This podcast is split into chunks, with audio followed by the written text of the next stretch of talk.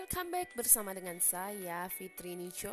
Terima kasih untuk teman-teman semua yang masih selalu stay tune di podcast saya. Nah kali ini teman-teman uh, saya ingin berbagi kepada anda. Hari ini kita bahas tentang apa ya? Nah kira-kira teman-teman apa sih yang bakal kita bahas di kali ini? Mungkin dari kemarin-kemarin kita udah bahas tentang bagaimana sih jadi wanita mandiri, bagaimana tentang pengembangan diri, bagaimana tentang bisnis yang bisa membantu kita di saat pandemik seperti ini. Nah, teman-teman, apa yang uh, bisa kita lakukan ya? Kalau hari ini kita bakal bahas tentang seputaran bagaimana tentang kita sebagai orang tua membimbing anak. Mungkin di saat zaman pandemi ini banyak orang tua yang mengalami kesulitan di saat anak diajak misalnya virtual online, ada sesi belajar online, anak-anak akan lebih prefer itu menolak gitu loh dan mereka nggak ingin ikut mengupgrade diri atau mungkin orang tua ingin mengikutkan dalam beberapa virtual gitu. Nah ini yang saya terima dari bagaimana respon orang tua. Sebenarnya apa yang salah, apa yang terjadi? Apakah anak terlalu bosan karena sudah terlalu lama daling dan sebagainya atau belajar terlalu monoton dan sebagainya?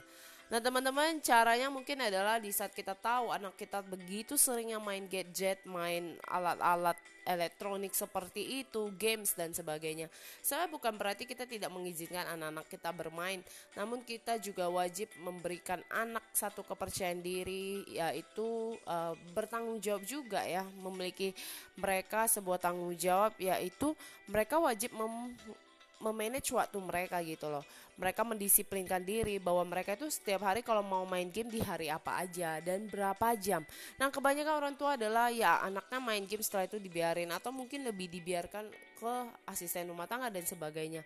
Bukan kita salahkan orang tua karena mungkin kita ngerti para orang tua juga punya kesibukan, mereka yang bekerja dan sebagainya. Namun buat para parents, buat Anda yang juga sedang berjuang untuk menjadi seorang ibu, ayah dan sebagainya. Nah, apa sih yang bisa kita lakukan gitu ya? Sebenarnya yang bisa kita lakukan yaitu yang pertama adalah berikan tanggung jawab ke anak. Kalau anak minta main apa dan sebagainya kita beli kita lemparin lagi responnya. Oke, okay, kalau misalnya Koko mau main game kira-kira berapa jam? Nah, kalau mau main hari apa aja? Kita berdiskusi sama mereka gitu, tukar pikiran.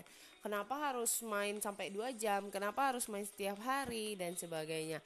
Jadi, biarkan kita meminta jawaban mereka dan juga tanggung jawab mereka. Jadi, mereka itu nggak merasa bahwa uh, pokoknya saya ngambek-ngambek kan saya harus maksa papa mama harus ikutin apa yang saya mau. Karena kalau hal seperti itu kita biarin anak dengan tidak ada reason yang jelas dan bisa membahayakan anak one day juga. Jadi buat apa?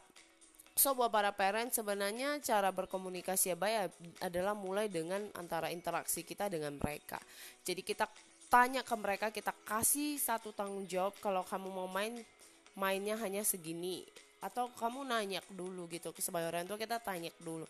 Nah kalau mereka deal oke. Okay. dan mereka kita tidak uh, ini ya ngawasi terus menerus atau kita terus ngejajing dan sebagainya. Kita biarkan kita lihat apakah dia bertanggung jawab. Dari situ kita bisa melihat anak ini bisa bertanggung jawab atau tidak atas apa yang dia ucapkan. Jadi buat para parents marilah melatih anak sebenarnya simple ya. Nggak mesti harus lesin anak atau kasih pembelajaran yang lebih dan sebagainya. Sebab praktek uh, praktikalnya atau prakteknya itu ya di dalam kehidupan seperti ini gitu loh, di dalam rumah, di keluarga.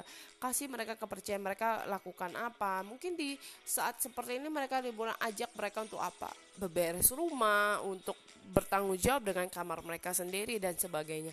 Jadi biar seperti ini udah dilatih dari anak sejak dini. Sehingga suatu hari kalau anak pun sudah besar, mereka studi, mereka jauh dari orang tua, mereka siap untuk ditempa menjadi anak-anak mandiri yang tidak hanya cengengesan, ngambek dan sebagainya. Tapi mereka tahu mereka punya tanggung jawab, mereka punya habit yang sudah ditanam sejak kecil.